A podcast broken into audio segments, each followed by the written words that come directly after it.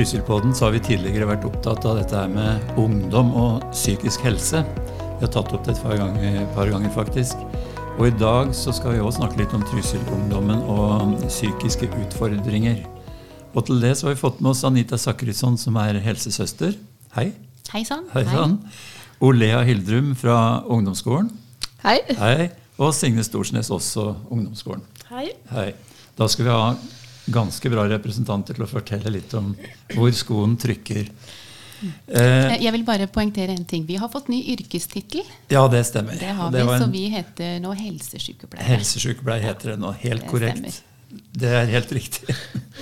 Da husker vi, å, husker vi å si det. Helsesykepleier. Helsesykepleier. Ja.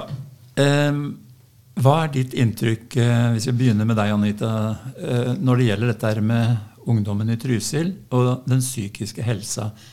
Uh, I Ungdataundersøkelsen så ser det ut som det er mer nå enn det var for to år siden. Kan det stemme? Um, akkurat det her med tall og statistikk, det er, det er kjempebra at vi har det. Det gir oss en indikator på åssen ungdommen har det. Eh, samtidig så tenker jeg at det er viktig at vi leser litt tall med litt forsiktighet. Um, ungdommen svarer jo ærlig, dem, uh, på hvordan de har det. Uh, så klart, det bildet som vistes i forrige ungdataundersøkelse, er absolutt noe som gir en indikator, men om det nødvendigvis er en sannhet, det, uh, det kan jeg ikke mene så mye om, sånn egentlig. Du har ingen følelse av det heller? Um, klart nå har jeg vært helsesøster, helsesykepleier på ungdomsskolen i sju år. Så jeg begynner, føler at jeg begynner å kjenne ungdomsmiljøet relativt godt. Eh, jeg opplever en økning av ungdommer som, som, tar kontakt med meg. Det gjør jeg, så det er veldig bra. Men jeg er usikker på om det er sånn at ungdommer har det veldig mye verre nå enn, enn for to år siden. Men hva er problemet? Eh, jeg tenker at uh, ungdommer sliter litt psykisk i perioder i ungdomstida. For det er veldig mange forandringer som skjer i kroppen. Eh, når vi prater om pubertet, så er det mange som tenker mye på forandringer som skjer kroppslig sett. Men vi må ikke glemme de forandringa som også skjer i huet. Litt det her med uh, Man får litt nye tanker. Følelser blir ofte mye sterkere enn de var tidligere. Uh, alt dette her er jo mye pga. hormoner. Ungdommer har eh, De skal finne ut hvem de er, identiteten sin. Hvem er jeg? Eh, og i den jobben her så har de veldig mange stemmer å forholde seg til. Det er eh, foreldre som mener noe om hvem de bør være. Skolen mener noe. Venner sier noe. Og ikke minst Eh, sosiale medier. Det er um, samfunnet for øvrig òg uh, har veldig mange meninger om åssen ungdommer skal og bør være. Så klart det her kan føre til uh, en del usikkerhet. Um, og det her at mange opplever at de ikke er gode nok. Det kan jeg nok kjenne på som helsesøster, at det her med selvbilde um, er noe som jeg er veldig opptatt av, som jeg sier at mange kan streve med. Og et økt stress stressnivå. Kjenner du deg igjen, Olea? Ja, altså vi blir jo kalt for generasjon prestasjon. Um, så jeg tror egentlig det er altså, økende press fra alle kanter. At vi skal være best på idrett, og vi skal være best på skole, og vi skal være best i alt. Og at man ikke liksom skjønner at det går fint å ikke være god i alt. Og da føler seg mye verre fordi man ikke er god i alt. Fordi vi tenker at vi skal være best i alt, og det er ikke lov å ikke være god. Føler du stress rett og slett pga. det? Jeg har gjort det av og til, ja. At det er sånn Du føler at alle andre er bedre enn deg, selv om det er, det er jo ikke sant. Men det kan føles sånn i tider, ja. Føler du det sånn nå? Ja, jeg er ganske enig i den generasjonen prestasjon. Eh, så har det jo blitt satt mer i lyset, eller det har blitt veldig mye mer åpenhet om det. Eh, så jeg tror kanskje mange føler at kanskje det var noen som følte det samme som dem òg. Eh, og det var litt lettere å prate om det da, kanskje. Og ta kontakt med helsesøster. Men eh, er dette noe dere snakker om mye i sammen, dere? Det, kommer, det er liksom, varierer litt. I perioder, hvis det, hvis det, blir tatt opp et eller annet sted, så hender det vi snakker om det. Men Jeg syns vi prater altfor lite om det, sånn generelt sett. Både mellom jenter og gutter, og liksom at vi burde prate mer om psykisk helse. Hva gjør du som helsesykepleier da, eh, for å hjelpe dem når de kommer i en sånn situasjon, Anita? Um, ja, det eh, det jeg ofte gjør, er jo altså Jeg må jo kartlegge først og, og, og, danne, og få en relasjon med den enkelte. For klart det her er um, Ungdommer syns det er litt vanskelig å sette ord på. Ofte så kommer de til meg fordi at de uh, opplever nedstemthet, uh, stress. Uh, de føler seg ikke gode nok da er det jobben min å begynne å rydde litt i det her. For det, i en tenåringshjerne så er det lett for at det kan bli litt kaos. Det er kaos, eh, sterke følelser og tanker eh, som koker. Så da gjelder det at jeg hjelper dem eh, gjennom noe sorteringsverktøy og, og rydde, rydde opp i dette her. Du er en psykolog nesten, da?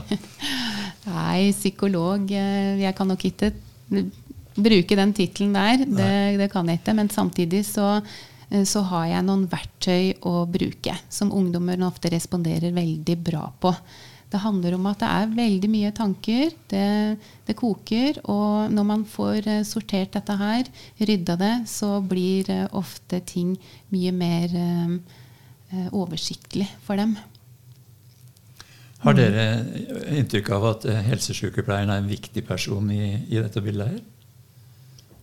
Ja, det er jo mange du sier jo det på om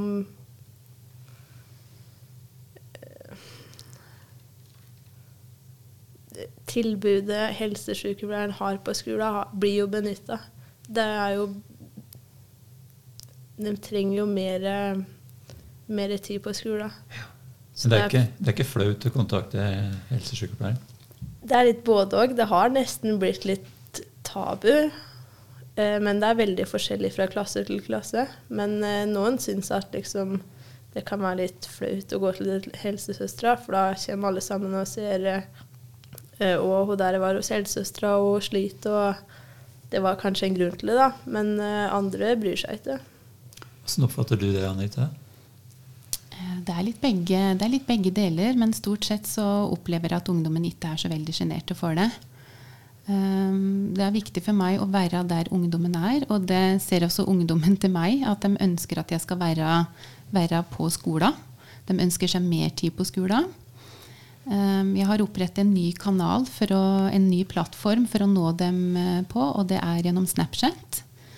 Ehm, det er viktig at vi som helsesykepleiere og helsepersonell følger med i tida, og at vi er, er, der ungdommen er. Så jeg opplever at ungdommer tar kontakt, kanskje første kontakten der, der de kanskje beskriver litt eh, hva slags utfordringer de har. Eh, det er viktig for meg å ikke bruke Snapchat som noen form for å gå inn i noe samtale der, men da bruker jeg det heller til at vet du, nå er jeg på skolen på fredag. Kom til meg i tredje timen, så, eh, så skal vi finne løsninger på det her. Jeg regner med dere er opptatt av alle, Olja, at dere har det virkemidlet? Ja, det, jeg er veldig positiv til at hun begynte å bruke Snapchat. Fordi det er mye enklere å ta tak altså, det er mye enklere å sende en snap, fordi snappen har vi jo på telefonen hele tida, enn det er å gå bort til en dør og åpne den opp, og så ser alle at du Altså når du sender en snap, så ser ikke alle det. Og da er det mye enklere å få kontakt også. Og så er det veldig fint, for hun pleier å legge ut at 'nå har jeg tid'. Så da kan man tenke ok, men da kan jeg bare si fra på Snapchat at jeg gjerne vil ha en prat. Så jeg er veldig positiv til Snapchat. Så sosiale medier kan brukes positivt. Også. Sosiale medier kan absolutt brukes positivt. Ja, mm. Men den kan òg brukes veldig negativt. Hvis vi skal dreie over litt på mobbing, så er jo digital mobbing er jo blitt et av de store problemene, egentlig.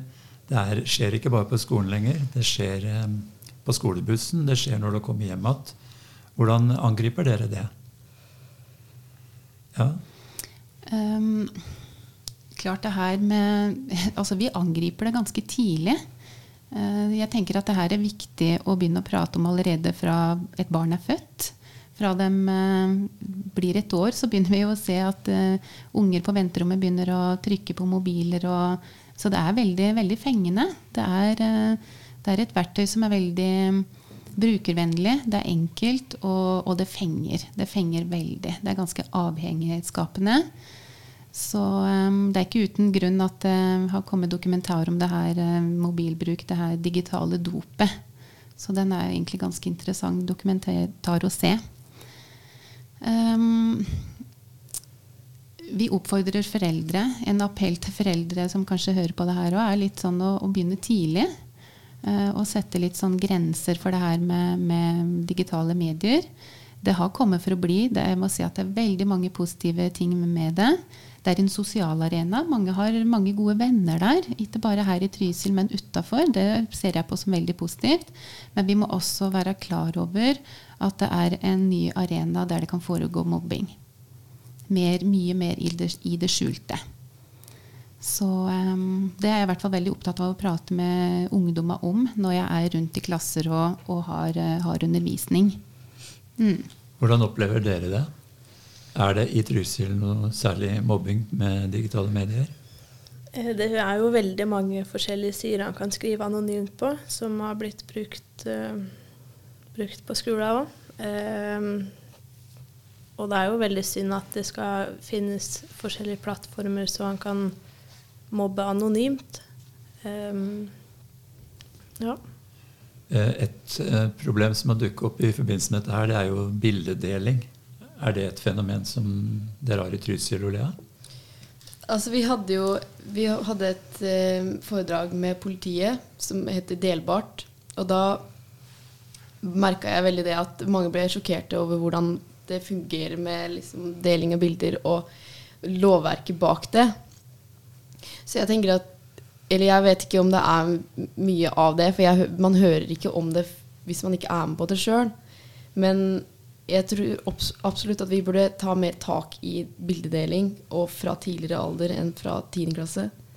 Og egentlig begynne på barneskolen, fordi det er veldig enkelt å dele bilder. Men det er så vanskelig å slette det igjen hvis det går feil. Ja, det er nesten umulig. Og så er det jo straffbart. Så det, det, er fint at politiet eh, tar tak i det, og det gjør vel dere òg, regner med, Anita?